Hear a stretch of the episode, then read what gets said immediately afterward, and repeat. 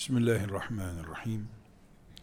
Elhamdülillahi Rabbil alemin ve sallallahu ve sellem ala seyyidina Muhammedin ve ala alihi ve sahbihi ecma'in. Müminler arasında tartışma, münakaşadan söz ediyoruz.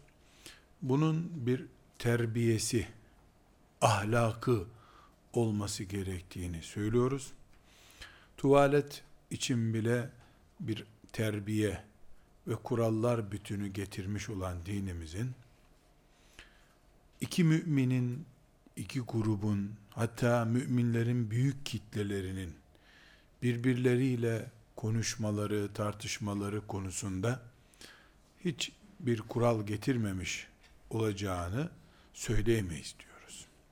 Zira Rabbimiz müminlerin insan olarak dinleri konusunda da oturup konuşmaları, yer yer tartışmalarının fıtri olduğunu, müminlerin bundan uzak kalmalarının mümkün olmadığını Kur'an'la bize haber veriyor. Yani tartışmayın. Eşler hiç konuşmasın, tartışmasınlar. Talebe hoca hiç tartışmasın. Müslümanlar hiç birbirleriyle tartışmasınlar şeklinde bir emri yok Allah'ın. Herkes edebini bilsin, herkes Allah'ın rızasını gaye edinsin ama tartışma bunun ötesinde normaldir diye özetleyebileceğimiz bir anlayış var ümmeti Muhammed'de. Bu anlayış yer yer arızalar gösteren insanlar veya gruplar tarafından bozulmaktadır. Bu sebeple e, ciddi bir şekilde Müslümanların bir tartışma terbiyesi var. Bu tartışma terbiyesini yıpratmayalım, terbiye dahilinde tartışalım demek mecburiyetinde kalıyoruz. Geçmiş derslerin özetini bu şekilde toparladıktan sonra bugün başka bir mantıktan tartışma terbiyemizi tahlil edeceğiz. Biz tartışırken keyfi tartışıyorsak ya da ekonomik menfaatimizi kollamak için mesela tartışıyorsak veya benzeri nefsani denebilecek bir sebeple tartışıyorsak buna tartışma demiyoruz. Koltuğunu korumak için e, saatlerce konuşan birisi değil bizim gündemimiz. Müslüman bireyler veya Müslüman gruplar arasındaki tartışmalar din için, Allah için olduğunda tartışıyorlardır diye düşünüyoruz. Mesela ırkçılık ekseninde yapılan bir tartışma Müslümanlar arasında Müslümanlığın himayesinde şeriatın himayesinde bir tartışma olamaz ki. Mesela çok basit bir kooperatif tartışması din eksenli değildir. İnsanidir diyeceğiz. Yani insanlar kendi aralarında bir konu etrafında tartışıyorlardır. O tip tartışmaları kanunlara havale ederiz. Yani Müslümanların e, hangi e, yerde yaşıyorlarsa o yerdeki kanunları, kuralları bu tartışmaları düzeltsin deriz. Din etrafında, din maksatlı tartışmalarda Müslümanlar ya dinin emirlerinden biri konusunda bir konuda tartışıyorlardır. Yahut da yasaklardan bir yasağın giderilmesi konusunda mesela bir haramın nasıl önleneceği konusunda, bir kötülüğün nasıl önleneceği konusunda tartışıyorlardır. Ya iyilik, Allah'ın hayır dediğimiz, güzellik dediğimiz, ibadet dediğimiz çizgisindedir Müslümanın tartışması.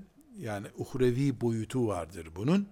Ya da bir kötülüğü, negatifi önleme konusunda Müslümanların bir çizgisi vardır. O çizgiyi korumaya çalışıyordur Müslümanlar.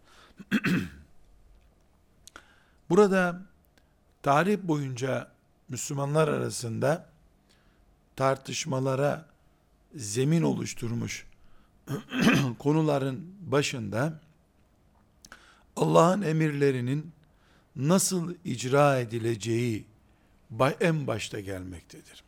Bunun mesela Ali bin Ebi Talip radıyallahu anh ve Muaviye bin Ebi Süfyan radıyallahu anh arasındaki yıllarca süren ve daha sonra e, bugünkü Şiilik, Sünnilik ayrımının da nedenini büyük oranda oluşturan tartışma Osman İbni Affan radıyallahu anh'ın şehit edilmesinin e, nasıl değerlendirileceği konusunda oluşmaktadır. Bu tartışmada öyle mi sürdürülsün bu soruşturma, böyle mi sürdürülsün denecek zeminden kaynaklanıyor. Yani netice olarak Müslümanlar ya Allah'ın emirlerinden bir emri nasıl yapacakları konusunda tartışıyorlardır ya da Allah'ın yasaklarından bir yasağı nasıl e, uygulamada mesela engellemede veyahut da yapana nasıl engel olmada e, bir metot üzerinde tartışıyorlardır. Başta belirttiğim gibi bir kooperatif hisseleri konusunda nasıl davranacaklarına dair zaten fıkıh kuralları var. E, o kooperatifin oluşturulurkenki tüzüğü vardır. Veyahut da bir şirketin iflası ile ilgili mahkemeye gideceklerdir. yani bunlar büyür tartışmalar değildir. Nitekim 100 e, kişi 200 kişi ilgilendiren bir tartışma olarak kaldı kalır. O bahsettiğimiz kooperatif veya şirketin tartışması. Ama diğer taraftan işte verdiğim Ali radıyallahu anh ve Muaviye radıyallahu anh arasındaki tartışma asırları ve nesilleri buldu. Şimdi burada biz e, bugünkü bir tartışmamızı Müslümanlar arasındaki bir tartışmamızı hangi zemine oturtalım? Ben bir Müslüman olarak mesela e, dinimizi yaşama konusunda diyelim ki tasavvufun ağırlığı veya filan ekolün ağırlığı konusunda tartışıyorum. Bu tartışmada kullandığım uslubum, e, ifadem, ifade tarzım, kimliğimi kullanma şeklim, acaba şimdi 2000'li yıllardan bir tanesinde işte İstanbul'un bir semtinde konuşmuş biri olarak tarihe gömülür gider mi? Yoksa e, 300 sene sonra dünya Müslümanları burada benim açtığım tartışmanın büyümüş, savaşlara dönüşmüş bir şeklini yaparlar mı? Kaderi bilmiyoruz. Yarına vakıf değiliz. Bizim buradaki bir tartışmamız sönüp giden bir mum gibi de olabilir. Hep öyle olduğunu zannediyoruz. Akşam tartışıyoruz. Sabahleyin kahvaltıda buluşuyoruz. Böyle bir şey unutulup gidiyor zannediyoruz. Bu kıvılcımın bu kıvılcımın seneler sonra, asırlar sonra yüzlerce müminin birbirine girip birbirini öldüreceği bir olaya dönüşür mü? Kaderi bilmediğimize göre, yarını bilmediğimize göre dönüşmez diyemeyiz. Hiç diyemeyiz hem de. Bir örnek zikredeceğim. bir seferinde vakfımızın bir ormandaki kampını orman müdürü ziyarete gelmişti. O yörenin orman müdürü ziyarete gelmişti. Muhabbet arasında orman yangını nasıl çıkıyor? Kim bunları yakıyor gibi bir soru sordum. Dedi ki bunun çok basit sebepleri var. Siz de biliyorsunuz. Mangal yakanlar ormanı yakıyorlar dedi. Sarhoşlar yakıyorlar. Terörist bir hareketle yakılıyor. Bunları biliyorsunuz dedi tahmin etmediğiniz şeyler de var ama dedi. Mesela dedim. Mesela meyve suyu şişesi dedi. Ormanı yakıyor dedi. Allah Allah. Meyve suyu şişesi. Molotof yapılıyor filan öyle mi yakılıyor dedim. Öyle değil dedi. Ya bu basit fen dersinde bildiğiniz mercek olayı dedi. Ormana bir şişe atılıyor. Ağustos ayında aylarca o e, kupkuru kalmış, yağmur yağmayınca böyle barut gibi olmuş orman yapraklarında o şişe yaprakların arasında duruyor. Güneş ışınları ona direkt vurunca mercek vazifesi yapıyor. O temas ettiği yaprağa tutuşuyor ve yanıyor dedi. Biraz böyle masal gibi geldi bana. Fakat maalesef doğru bu dedi. E peki bu ne kadar e, bir de ol, bir kere de olsa tarihte oluyor bu olay dedi. Ama yaktığı orman çok büyük oluyor dedi. Başka bir örnek verdi. Bu örnek çok önemli. Bizim burada örneklemeye çalıştığım olay bu. İnşallah iyi anlaşılacak. Ben çok iyi anladım.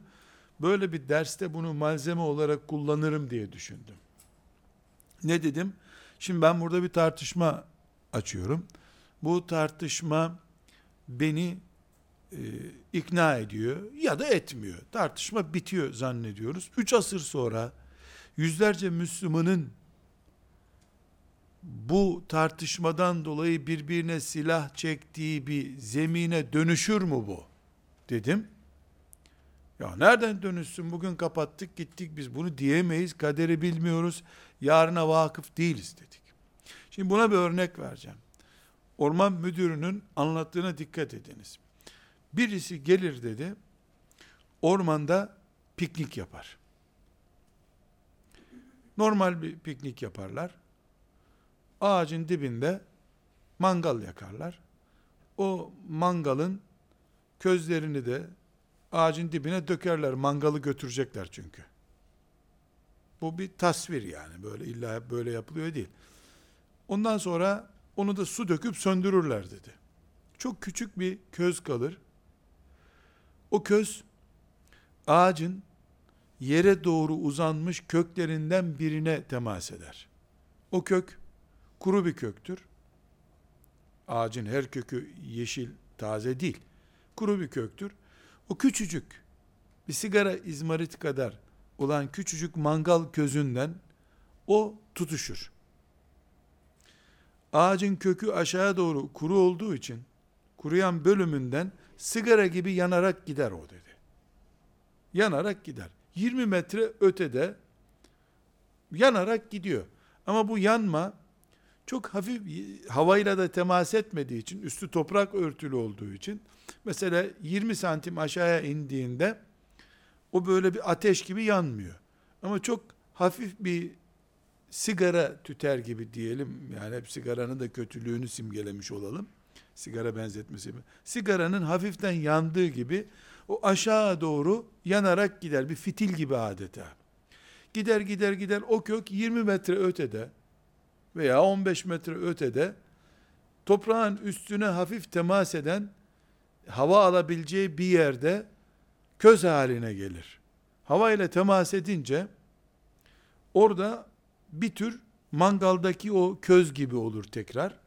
Ama bu bir ay mı sürer? 20 gün mü sürer? Bir hafta mı sürer? Belli olmaz. Normalde o piknikçiler oradan gideli bir hafta olmuştur. Üste de su döküp söndürmüşlerdir onu. Ama 20 gün sonra ağacın ta öbür ucunda havayla toprağın altındaki kökleri konuşuyoruz. Havayla temas ettiği yerde yapraklarla buluşunca iyi bir orman yangınıdır bu diye tarif etti. Böyle dedim ki ya bu film gibi bir şey oldu. Maalesef film gibi ama gerçek diye bana izahatte bulundu.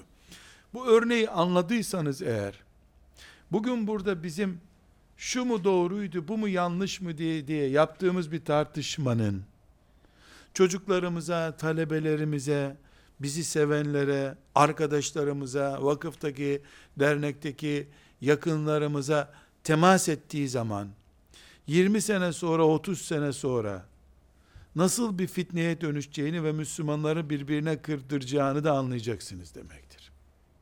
Görünürde hiçbir şey görünmüyor. Toprağın üstünde bir şey yok.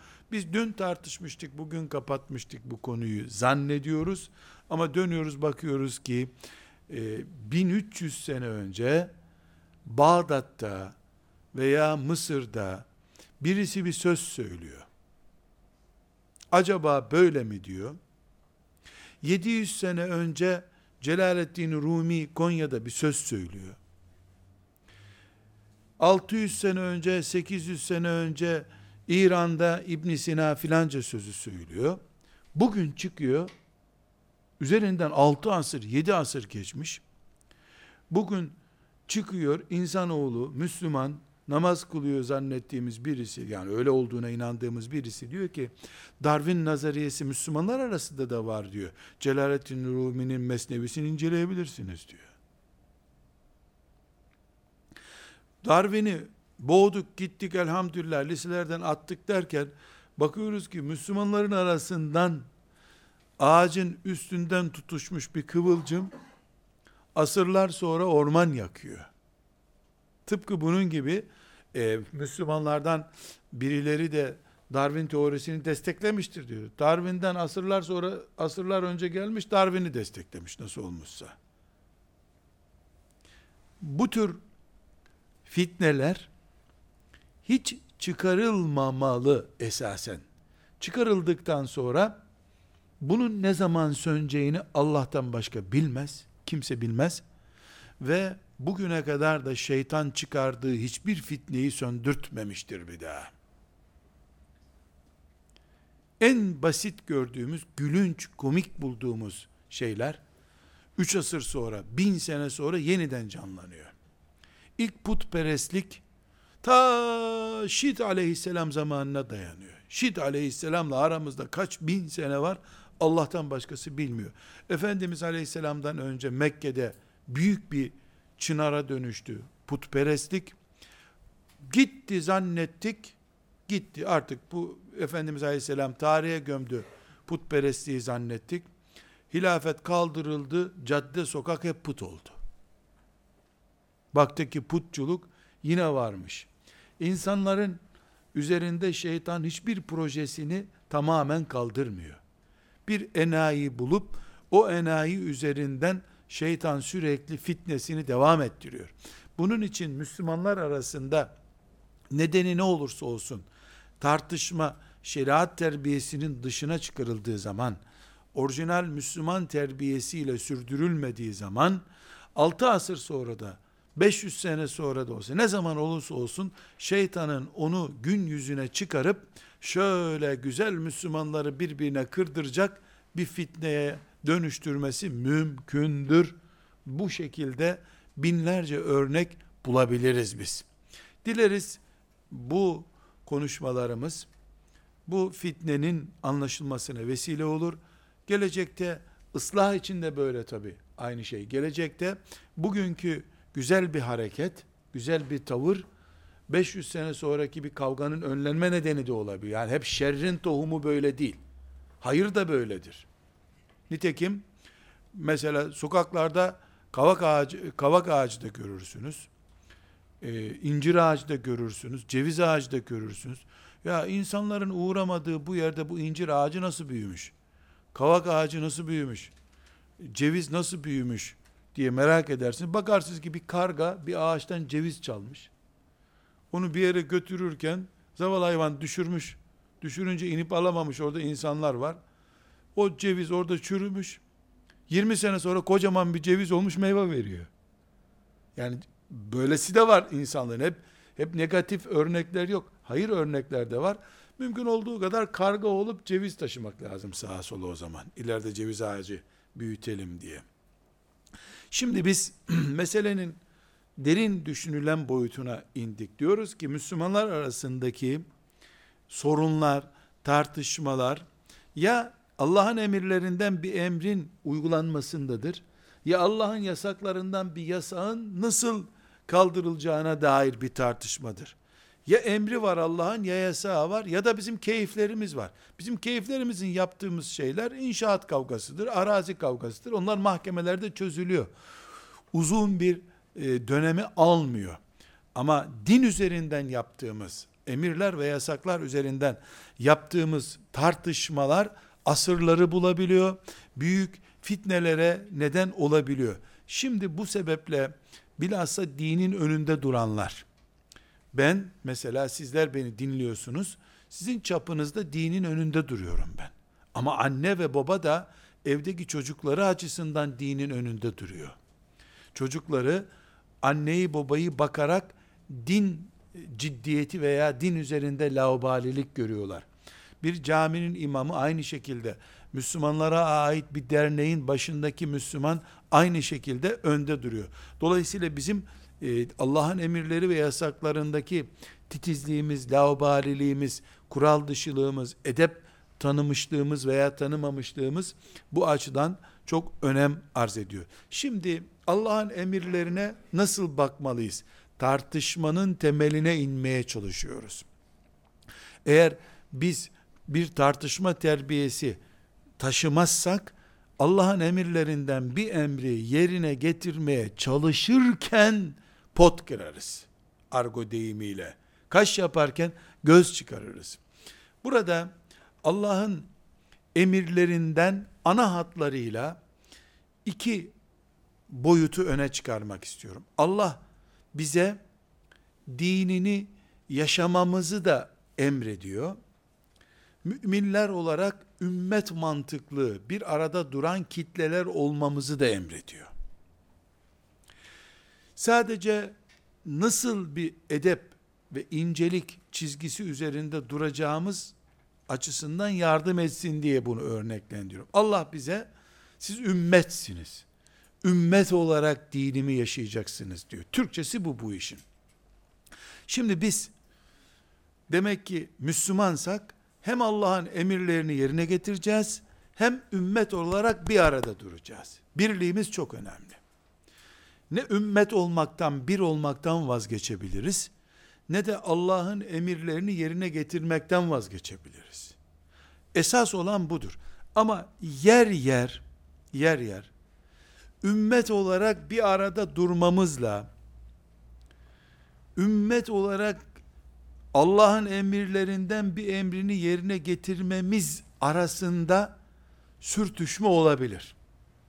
Ya bu sürtüşme nasıl? Allah emrederken sürtüşecek bir şey emretmez herhalde. Ama biz işte bugünkü Müslümanlar olarak ya bir arada durmayacağız ya da filanca emrini yapmayacağız Allah'ın. O emri yaparsak bir kavga çıkıyor. Kavga çıkarsa Müslüman olarak bölünüyoruz. Böyle bir risk çalışması içinde olabiliriz. Çok basit bir örnek. Ben bir vakıf kurmak istiyorum. Ne vakıfı kuracağım? Ya Müslümanlara bedava gözlük dağıtma vakfı kuracağım. Bu kadar basit. Bu vakfa para toplayacağım. Topladığım bu paralarla göz hastalarına gözlük dağıtacağım. Vakıf demek bu demek değil mi? Bu da bir vakıf çeşidi işte. Bu Allah'ın emri mi? Elbette emri. Hayır yapacağım. Ama Müslümanların da büyük bir vakfı var. Gözlük de dağıtıyor. Çamaşır da dağıtıyor. Yemek de dağıtıyor. E, silaha ihtiyacı olan gruplara silah da veriyor. Böyle büyük bir vakıf da var. Ve bu prestijli bir vakıf. Gözlük o vakfın yüzde üçünü oluşturuyor. Şimdi benim gözlük dağıtma vakfı hayalim var ya, sanal bir şey konuşuyorum şimdi. İnşallah bu örneğim de bir vakfı bölmez ha. Ondan da korkmaya başladım. Şimdi yüzde üç o vakıf bu gözlüğü dağıtıyor. Ben de diyorum ki sadece yüzde yüz gözlük dağıtan bir vakıf kuracağım diyorum. Bu Allah'ın rızasına uygun bir iş mi? Elbette Allah'ın rızasına uygun bir iş. Afrika'da, Asya'da, her yerde gözlük dağıtacağım Müslümanlara. Senede 10 milyon gözlük dağıtacağım. Güneş gözlüğü de değil, ihtiyaç gözlüğü dağıtacağım. Allah'ın emirlerinden bir emir bu. Ama oturduk düşündük ki, ben bu vakfı kurarsam, yüzde üç kapasitesini alacağım o büyük vakfın. Oradaki mümin kardeşlerim yüzde üç değer kaybedecekler. Gözlük onlardan alındığı için daha profesyonel yapacağım ya ben gözlük işini. Onların yüzde üç değer kaybetmesi benim buradaki bölmüşlüğümden kaynaklanacak. Burada oturup müminsem eğer ben, orada müminlerin güçlü olmasını tercih etmem gerekiyor. Buradaki örnekler vereceğim daha rahat anlaşılacak inşallah. Buradaki benim bu gözlük dağıtma sadakamdan vazgeçmem lazım. Neden? Çünkü Müslümanların ekonomik olarak, siyasi olarak, konjektürel olarak güçlü bir vakfa sahip olmaları, güçlü bir vakıf Müslümanlar tarafından yönetiliyor olması, dünya sivil toplum örgütleri arasında o vakfın benimseniyor olması, gücünün kabul ediliyor olması, benim bir milyon gözlük dağıtmamdan daha önemlidir. Çünkü Müslümanların gözlük bulamayanları bir yolla dedesinin gözlüğüyle filan görebilir. Ama güç kaybeden Müslümanlar bir daha o gücü bulamıyorlar. Bunu düşünmem lazım. Burada ne yaptım? Allah'ın emirlerinden biri olan sadakayla yine Allah'ın emirlerinden biri olan ümmetin bir arada durması arasında bir tercih yaptım.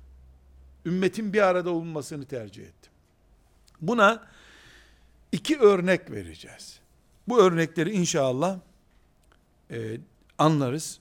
Hatta çok örnekler vereceğim de hadisten iki örnek vereceğim. Birisini Bukhari'de 1586. hadisi şerif Ayşe annemiz rivayet ediyor. Çok dikkatli dinlerseniz muhteşem e, bir örnek olduğunu göreceksiniz. Diyor ki Mekke fethedilince Mekke fethedilince ne demek? Daha önce müşriklerin elindeydi Mekke ve Kabe. Mekke fethedilince Resulullah sallallahu aleyhi ve sellem Kabe'yi yıkıp yeniden yapmak istemiş. Çok dikkat ediniz şimdi. Kabe'yi yıkıp yeniden yapmak istemiş. Ayşe annemize de bunu söylemiş. Neden? Çünkü Kabe şimdi dikkat ederseniz dikdörtgen şeklinde, e, kare şeklindedir. Aslı ise dikdörtgen şeklindeymiş. İbrahim Aleyhisselam yaptığı zaman Kabe'yi dikdörtgen şeklinde yapmış. Daha sonra Kabe bir selde yıkılınca Mekkeli müşrikler onu kare şeklinde yaptı. Tam kare değildir ama kare gibi duruyor uzaktan. Şöyle mesafesi çok farklı olmadığı için köşelerin kare gibi duruyor. Tam kare değil. Kare gibi yapmışlar. O etrafında yarım ay gibi bir çıkıntı var. O çıkıntı ile berabermiş Kabe. Böyle uzun bir oda gibi imiş. Ve yer düzeyindeymiş. Ayşe anamıza bir gün buyurmuş ki, Mekke fethedildikten sonra, Efendimizin önünde bir engel yok. Yıkın şu Kabe'yi yapın dese ashab-ı kiram sabaha kadar yapacaklar onu. Böyle bir gün bile bekletmezler. Sabaha kadar yıkıp birisini yaparlar. Heyecan kaynıyor ashab-ı kiram zaten. Demiş ki Ayşe, dedem İbrahim'in yaptığı gibi yapmak istiyorum bu Kabe'yi. Şöyle uzun dikdörtgen eskisi gibi iki tane kapısı olacak. Doğuda ve batıda bir, birer kapısı olacak. Birinden giren öbüründen çıkacak ve yer düzeyinde yapacağım. Basama, şu anda basamakla giriliyor içine. Zannediyorum şöyle iki metreye yakındır yerden yüksekliği. Yer düzeyinde yapmak istiyorum. İçimden böyle geçiyor. Buyurmuş sallallahu aleyhi ve sellem Efendimiz. Ayşe anamız da dedim ki diyor ya Resulallah Mekke fethedildi. Müşrik kalmadı. Emret yapsın ashab-ı kiram. Yani sen emredeceksin de sahabe itiraz mı edecek? Bakın şimdi ne buyurmuş? Buyurmuş ki Ayşe insanlar daha yeni Müslüman oldular. Ben ilk iş olarak Kabe'yi yıkıp yeniden yapmaya kalkarsam kalplerine sıkıntı oluştururum. Muhammed'in gayesi kendine göre bir yapı oluşturmakmış demeye kalkarlar. Helak etmeyeyim onları. Dursun böyle buyurmuş. Sallallahu aleyhi ve sellem. Burada Efendimiz sallallahu aleyhi ve sellemin merhameti nasıl arşa kadar uzanmış bunu görüyoruz. İtiraz eden melun cehenneme kadar yolu var dese ne olacaktı ki? Resulullah Kabe'yi yapacak Allah'ın peygamberi dese ne hakla itiraz edeceksin? Ama insanlar daha yeni Müslümanlar. Anlayamazlar bu işin hikmetini. İşte mesela ne diyecekler? Efendimizin düşüncelerinden biri Muhammed Kureyş'ten intikam aldı. Siz beni bu Mekke'den kovmuştunuz. Ben de Kabe'nizi yıktım, zevkime göre yaptım derler diyor. Halbuki oradaki Müslümanlar e, teslim olmuşlar zaten. Kılıç hepsini hizaya getirmiş. Nasıl itiraz edecekler ki? Ama ne olursa olsun insan değil mi bu? İçinden geçirir. Resulullah sallallahu aleyhi ve sellemin yaptığı bir işe karşı içinden şüphe duyunca da cehenneme yuvarlanacak adam. Efendimizin merhameti bir. Toplumun birliğini, dirliğini koruma şuuru iki. Şimdi bu Peygamber Efendimizin yaptığı bir eylem adeta sünnet işte. Sünnet dediğimiz şey bu.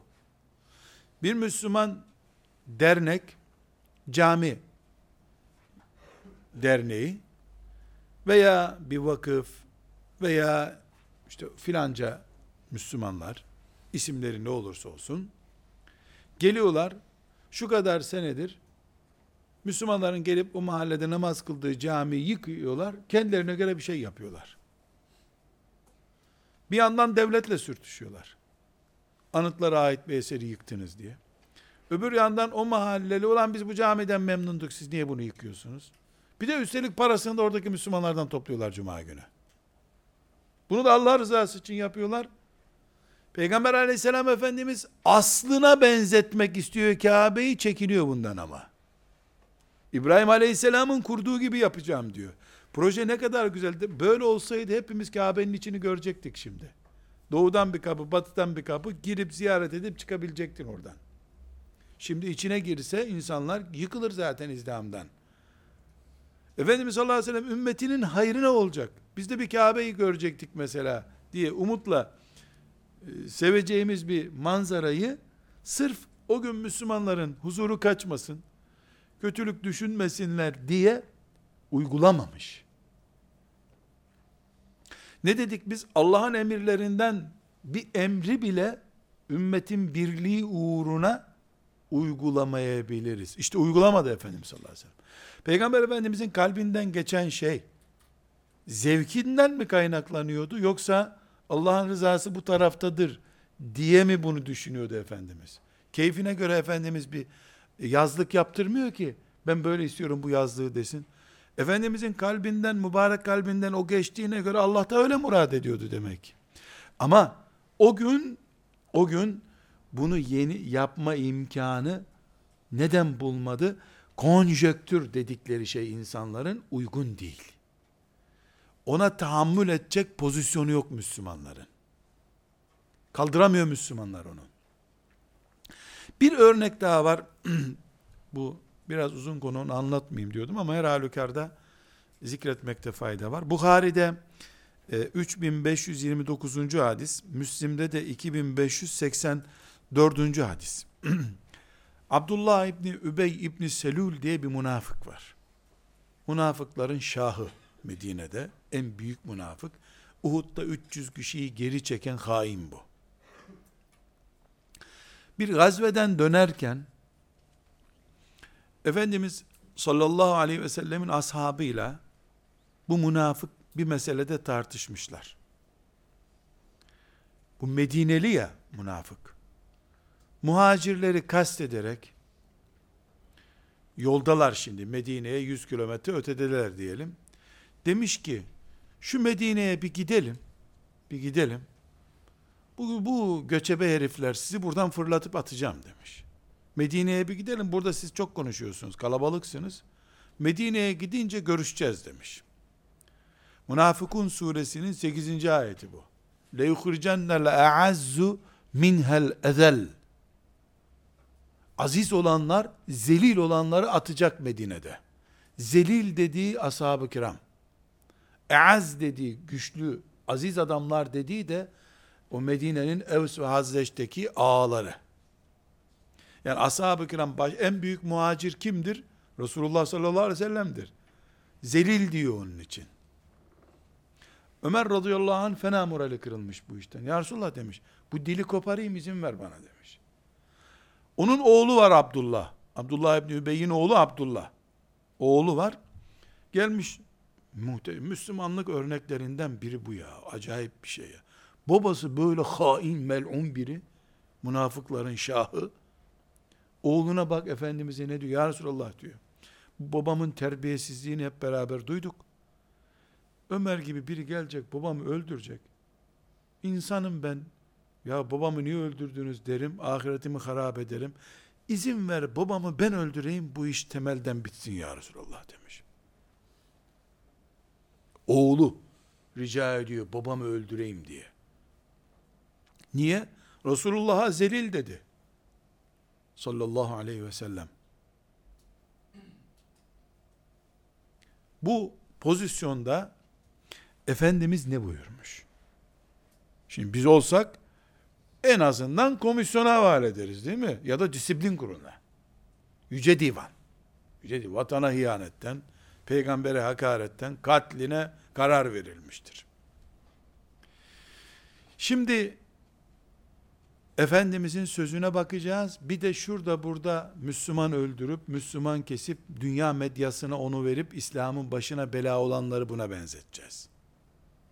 Pozisyonu anladık değil mi? Resulullah sallallahu aleyhi ve selleme zelil diyen bir adam bu. Oğlu bile geliyor, ya Resulullah bunu öldüreyim, Müslümanların başı belaya girmesin bu adamla diyor. Oğlu. Babasını kılıçla kesecek. Efendimiz ne buyuruyor? La yetehadden la yetehaddesen nasu enne Muhammeden kâne yaktulu ashabehu. İnsanlara Muhammed kendi adamlarını öldürmeye başladı dedirtmem buyuruyor.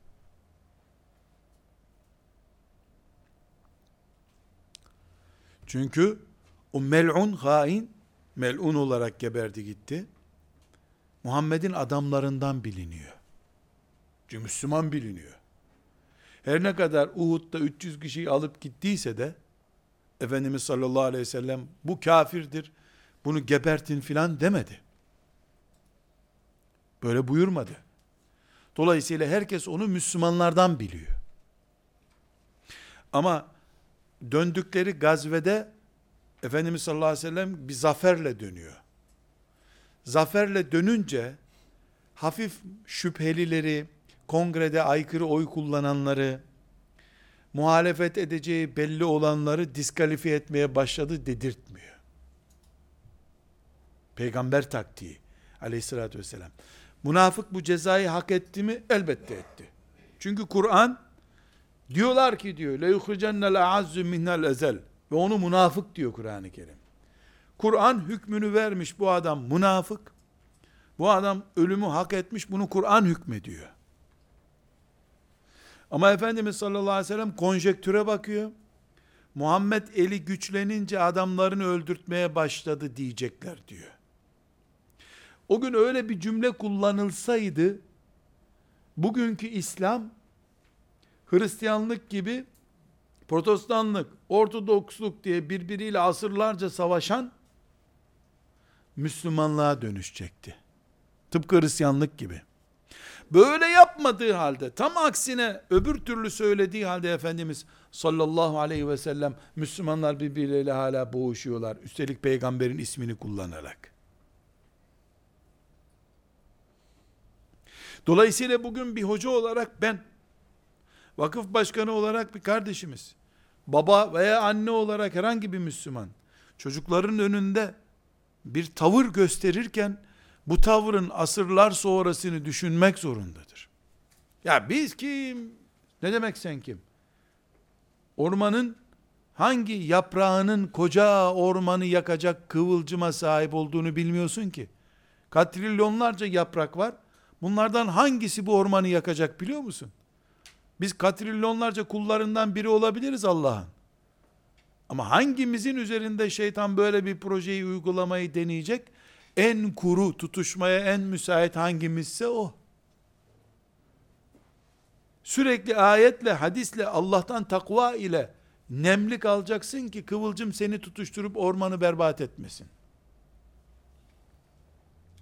Burada asıl zikretmek istediğim çok muhteşem bir örnek var kardeşler. Musannef Abdurrazzak'ta 4269. hadis-i şerif farklı bir rivayetinde olduğu için Ebu Davud'dakini almadım. Ebu Davud'da da 1960. rivayet hadisi şerif olarak. Katade e, isimli zattan rivayet ediliyor. Şimdi hacca gidenler için kolay da hacca gitmeyenler için örnek vereyim. Hac ibadeti Mekke, Arafat, Müzdelife, Mina. Tekrar ediyorum. Mekke, bunlar ayrı ayrı yerlerin adları. Mekke, Arafat, Müzdelife, Mina. Hac bu dört yerde yapılır. Bu dört yere gider hacı. Bu dört yere gitmeden olur hac ama ne bileyim nasıl olur onu bilmiyorum. Olur işte. Haccı Kabe'yi tavaf eder bu Mekke'dedir. Sa'i eder Mekke'de. Vakfe yapar Arafat'tadır. Bu Mekke'den de önemli. Arafat haccın aslıdır. Olması olmuyor. Mekke'ye bir alternatif kaza, kefaret bir şey bulunur. Arafat'a yok. Müzdelife'ye gelir. Orada vakfe diye bir ibadet yapar. Mina'ya gelir. Mina'da hem kurban keser hem taşlama yapar. Bu dört yerde hacı seferi olduğu için dört rekatlık namazları iki rekat kılar. Efendimiz böyle kılmış. Ebu Bekir radıyallahu anh böyle kılmış. Ömer radıyallahu anh böyle kılmış. Bildiğiniz seferilikte iki rekat kılındığı gibi. Bunu hacda Müslüman iki rekat kılar şeklinde de anlasak ortam uygun ama. Bir de öğle ile ikindi namazını o gün Arafat'ta cem eder. Öğle ile ikindi namazını beraber kılar. Akşamla yatsı namazını da Müzdelife dediğimiz yerde cem ederek kılar. Yani o gün üç vakit namaz kılmış olur hacı. Birinci vakitte öğle ile ikindiyi kılar. Bir vakit, bir namaz bir vakte birleştirir. Akşamla yatsıyı Müzdelife'de birleşti. İki, sabah namazını kılar. Üç vakitte namaz kılar. Yani hacca bir defa gittiyse ömründe bir defa bir cem yapıp üç vakitli namaz kılar mümin muhakkak. Orada ibadet böyle yapılıyor. Efendimiz sallallahu aleyhi ve sellem de bu şekilde e, yaptı. Bir gün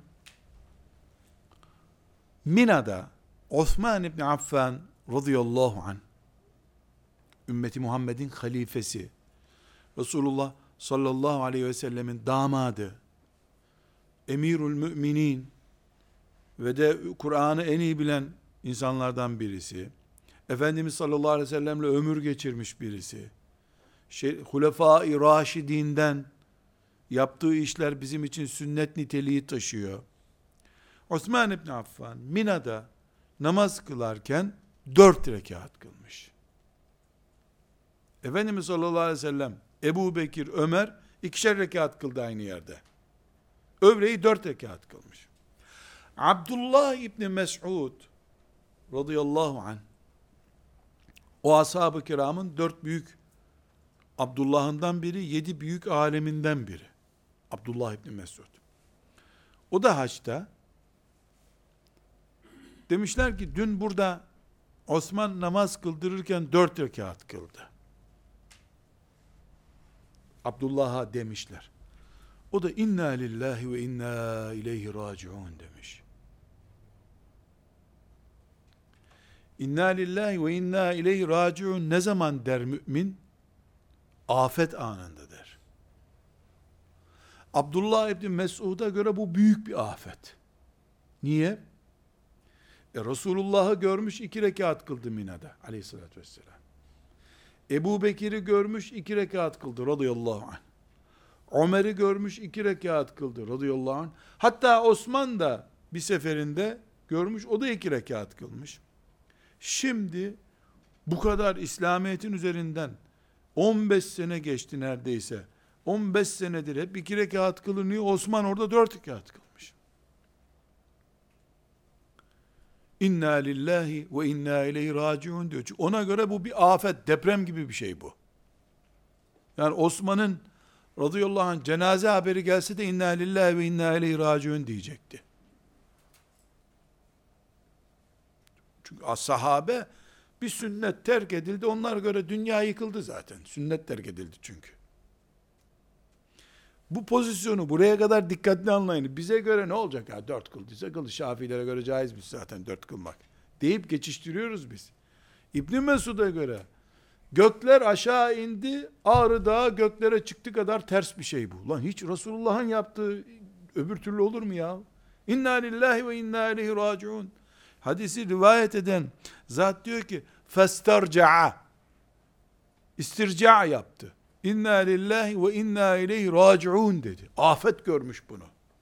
Kindi namazı olunca da namaza yetişmiş. Osman gene dört kılıyor. Arkasında dört rekat kılmış bu sefer. Arkasında dört rekat kılmış. Bize göre politik davrandı. Osman iktidarda çünkü. iktidara ters düşmedi. Bize göre tabi. Hemen yakalamışlar Abdullah İbni Mesud'u. Ya sen övlende Osman iki rekat kıldı diye istirca yapmadın mı? İnna lillahi ve inna ileyhi raciun diye afet duası okumadın mı ya? Şimdi geldin kendin takıldın peşine dört rekat kıldın. İki rekatta selam verebilirdin. Ya da ikaz edebilirdin. Cümlesi var. El hilafu şerrun kulluhu demiş. El hilafu şerrun. El hilafu şerrun. İhtilaf, aykırılık beladır. Öğle namazında inna lillahi ve inna ileyhi raciun dedi. O kadar büyük afet görüyor peygamberin, Ebu Bekir'in, Ömer'in sünnetine aykırı davranmayı. Afet gördüğü şeyden daha tehlikeli müminlerin birliğinin bozulmasına sebep olacak bir tavırda bulunmak. El hilafu şerrun. El hilafu şerrun. Çünkü Abdullah İbni Mes'ud radıyallahu anh ilk yedi Müslümandan bir tanesi. E, Müslümanlığı birinci değil, ikinci değil. Çünkü Ebu Bekir ile Hadice birinci, Ali üçüncü. Dolayısıyla dört, beş, altı, yediden bir tanesi bu. 23 yıl fiilen Resulullah sallallahu aleyhi ve sellemin yanında durmuş. Efendimiz onu çok övmüş. Ebu Bekir'e gidip, şey, Ebu, Ebu Cehil'e gidip, Rahman suresini okuyan mücahit bu. O günlerin delikanlısı. Alim biri, ilimde Osman'dan daha ileri. Hadis rivayetinde, Kur'an tefsirinde Osman'dan çok daha ileri. Ömer bin Hattab'ın da talebe hoca hoca talebe bağı var. Yani Ömer bin Hattab'ın iştihatlarının büyük bölümü Abdullah İbni Mesud kanalıyla tabiine tabiinden Ebu Hanife'ye ulaşıyor. Yani bu İslam'ın bugünkü yaşanan ilim mekanizmasında Abdullah İbni Mesud'un çok ağır yeri var. O günde ağır yeri var. Herkes onun Resulullah sallallahu aleyhi ve sellemle beraberlik yıllarını iyi biliyor. İlim ağırlığını çok iyi biliyor. Herkes onu takdir ediyor. E, Ömer'in şura meclisinde yani ağır bir adam onun kalkıp ya emiral müminin demesi buyur demeyi gerektiriyor. Ne istiyorsun denecek. Osman'a diyecek ki Resulullah burada iki rekat kıldı bu namaz aleyhissalatü vesselam. Ebu Bekir iki kıldı, e, Ömer iki kıldı, sen ne hakla dört kılıyorsun? Ey müminler Resulullah'a uyun, Osman'a uymayın. Demesi gerekiyor orada. Ama o bunu böyle dediği zaman belki de Şiiliğin oluşmasını 20 sene önceye çekecekti fark etmeden. Ne diyor? El hilafu şerrun. Görüş ayrılığı beladır. İçine gömüyor. İstirca yaptığı afeti. İnna lillahi ve inna ileyhi raciun diyeceği kadar büyük afeti içine gömüyor. Gerisini de Allah'a salıyor. Nasıl olsa emirül müminine uydum diye düşünüyor. Burada küçük bir dipnot bir kenara yazın. Osman radıyallahu anh'ın buradaki yaptığı esasen şeriat aykırı değil. İçtihad ediyor. Diyor ki Resulullah sallallahu aleyhi ve sellem Mekke'de evi yoktu. Çünkü hac ederken ben seferi namaz kılacağım dedi Efendimiz. Niye sorduklarında bu müşrikler benim evimi bırakmamışlar ki evim yok burada. Evim olmayınca ben seferiyim buyurmuş. Osmansa oradan bir kadınla evli olduğu için kendisini oralı kabul ediyordu. Bu ayrıntıyı Abdullah İbni Mesud bilmiyor. Büyük ihtimalle. Veya öyle de olsa sen Resulullah gibi kılsana diyesi geliyor. Her halükarda Osman'ın yaptığı bir şeriata aykırı durum değil. E, sosyal medya üzerinden de arkadaşlar Mekke'mize geldik biz de buradan evliyiz biliyorsunuz dolayısıyla biz burada dört kılarız haberiniz olsun diye sosyal medyadan da açıklama yapamamış. Herhalde yani çok aceleye geldiği için açıklama yapamamış. Dolayısıyla Osman'ın niye dört rekat kıldığına vakıf değiller. Meseleyi bilmiyorlar. Onlara göre Resulullah'ın, Ebu Bekir'in ve Ömer'in yaptığı yapılmalıydı. Her halükarda sonra bu mesele çözüldü. Sonra anlaşıldı. Ama o pozisyonda Abdullah İbni Mes'ud ne yaptı? Ne yaptı? İttiba, ümmeti Muhammed'e ait şeriata uygulamayı yaptı. Rıza göstermedi. Bu bir afettir. Resulullah sallallahu aleyhi ve sellemin sünnetine uyulmalıydı dedi. Beyan vazifesi, Resulullah'ın şeriatına uyma vazifesini yaptı. Ümmetin birliği meselesine gelince de bağrına bastı namazı dört rekat kıldı orada. Böylece Abdullah İbni Mesud'dan ne görüyoruz? Şahsiyetinde Allah'ın şeriatına da zarar vermedi. Ümmetin birliğine de zarar vermedi. Orada şimdi tasavvur etmeye çalışın kardeşler. Abdullah İbni Mesud bana göre bu namaz yanlış diye açıklama yapsaydı. Bana göre bu namaz yanlış. Ama mecburen kıldık siyasi konjektürel bir durum bu. Deseydi sadece. Halbuki ne dedi? El hilafu şerrun. Ayrılık beladır dedi. Dolayısıyla onun üzerinden Osman'ı sevmeyenlerin yorum yapmasına da mecal bırakmadı. Çünkü Osman iktidarda birisi olduğu için radıyallahu anh muhakkak sevmeyeni var. Ki, sahabi ol ne olursan ol. Bir, daha sonraki örneklerde göreceğiz. Ashab-ı kirama da saldırdı insanlar. Hulefai Raşidin nitekim öldürdüler Osman'ı. Şehit ettiler. Radıyallahu anh. Dolayısıyla o el hilafu şerrun ayrılık beladır demeseydi de bana göre bu yanlış deseydi bugün İslam dört değil sekiz mezhep olurdu belki. Sekiz mezhep bile yetmezdi bize şimdi. Kaldı ki mezheplerimiz bundan kaynaklanmadığı halde siyasi mezheplerimiz de olurdu bizim maazallah. Şimdi burada biz ya ben sahabi miyim? Osman da yok ortada deyip geçiştiremeyiz. Biz de bu zamanın işte Osman'ı ya da İbni Mesud'larıyız evlerimizde en azından. En azından evlerimizde.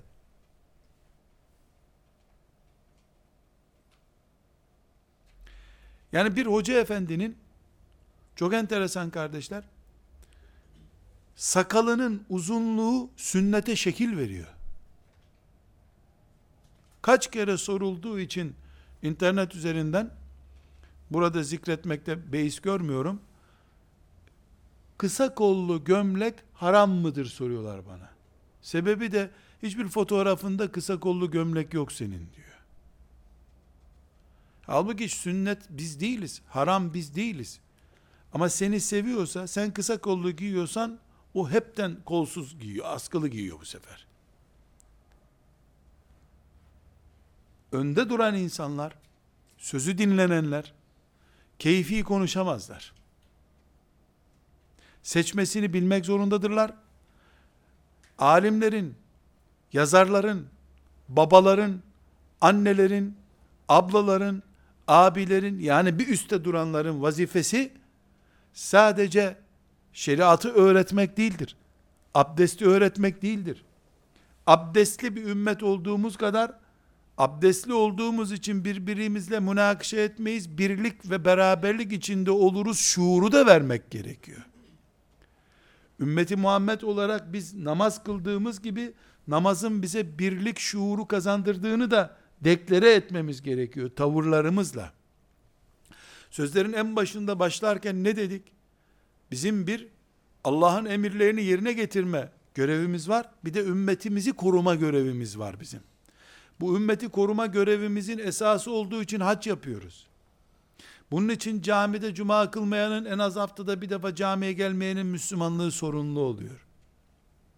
Tavırlarımız bundan esinlenilerek istifade edilmeli. Müslümanların birbirlerini rencide etmeleri, özellikle hocaların, alimlerin, yazarların, konumu yüksek olanların sözlerine dikkat etmeleri gerekiyor. Demek ki. Burada çok enteresan örnek vermek istiyorum.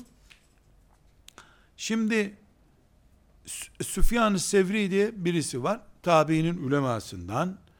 Ee, yani konum itibariyle Ebu Hanife'den daha yukarılarda da olabilir. Belki fıkıh itibariyle değil ama konum itibariyle Ebu Hanife'den daha yukarıda. Bizzat. Yani ashab-ı kiram düzeyinde değil, ondan aşağıdaki kadronun bir numaralarından. Belki de ilk onundan birisi. Radıyallahu.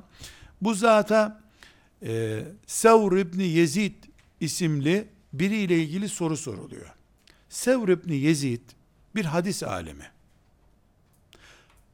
Peki Sevr ne demek? Öküz demek. Adamın adı öyle. Sevr. Sevr İbni Yezid. Öküz kim? Herhalde onu biliyorsunuzdur. İki tane boynuzu olan büyük hayvan. Sevr İbni Yezid. Adamın adı öyle. Yani bizde kurt ismi kullanılıyor. Onlarda Sevr ismi kullanılıyormuş yöresinde demek ki. Sevr İbni Yezid hadis alimi. Fena bir alim de değil hadis ilminde. Mesela şeyine baktım. Tezib-ü Tezib'de sika bir alimdir diyor. Yani bir numaralı hadis alemi. Güvenilir bir alim. Fakat bir miktar kaderiye mezhebine bulaşmış. Kaderiye berbat bir ekol. Yani e, nasıl olsa her şey yazılmış, çizilmiş, işimize bakalım mantıklı birisi. Bu adamda hadis var, akıl yok demek ki. Yani bilgisayar gibi bir şey. Güvenli bir bilgisayar, güçlü bir bilgisayar. Mantığı yok ama. Bilgisayarların aklı yok, bilgisi var. Akıllı gibi iş yaptırıyor insanlar. Formülize edip ona iş yaptırıyorlar. Süfyan-ı Sevri'ye demişler ki şimdi Süfyan-ı Sevri güçlü birisi, referans bir isim. Yezid'i soruyorlar. Yezid'i soruyorlar. Yezid, Sevr, estağfurullah, Sevr İbni Yezid'i soruyorlar. Yani adı öküz anlamına gelen birisi bu. Bundan hadis alalım mı diyorlar. Karar ne verdik? Sevr hadis alimi ama e, kaderiye mezhebine takılınca sorun oluşturmuş. Diyor ki dikkat edin. Onun hadisinden istifade edin, boynuzuna vurdurtmayın kendinizi diyor. Boynuzuna vurdurtmayın diyor. Bu ümmeti Muhammed mantığıdır. Bir kere o bizden çıktı. Kaderiye mezhebine takıldı. Onun hadisi lazım değil bize demiyor. Madem hadiste temiz bir adam, alın hadislerini diyor. Ama adamda siyasi denebilecek uç bir görüş hastalığı var. Takılmayın ona diyor. Bu ümmeti Muhammed ortalamasıdır. Böyle bir ortalamayı ümmeti Muhammed becermiş. Öküzden istifade etmiş, boynuzuna çarptırmamış kendisini. Ama öküzden istifade edeceğim diye boynuzunun altına kendisini koyarsa bir insan e ona yapacak bir şey yok. Ve sallallahu ve sellem ala seyyidina Muhammed ve ala alihi ve sahbihi ecma'in velhamdülillahi rabbil alemin.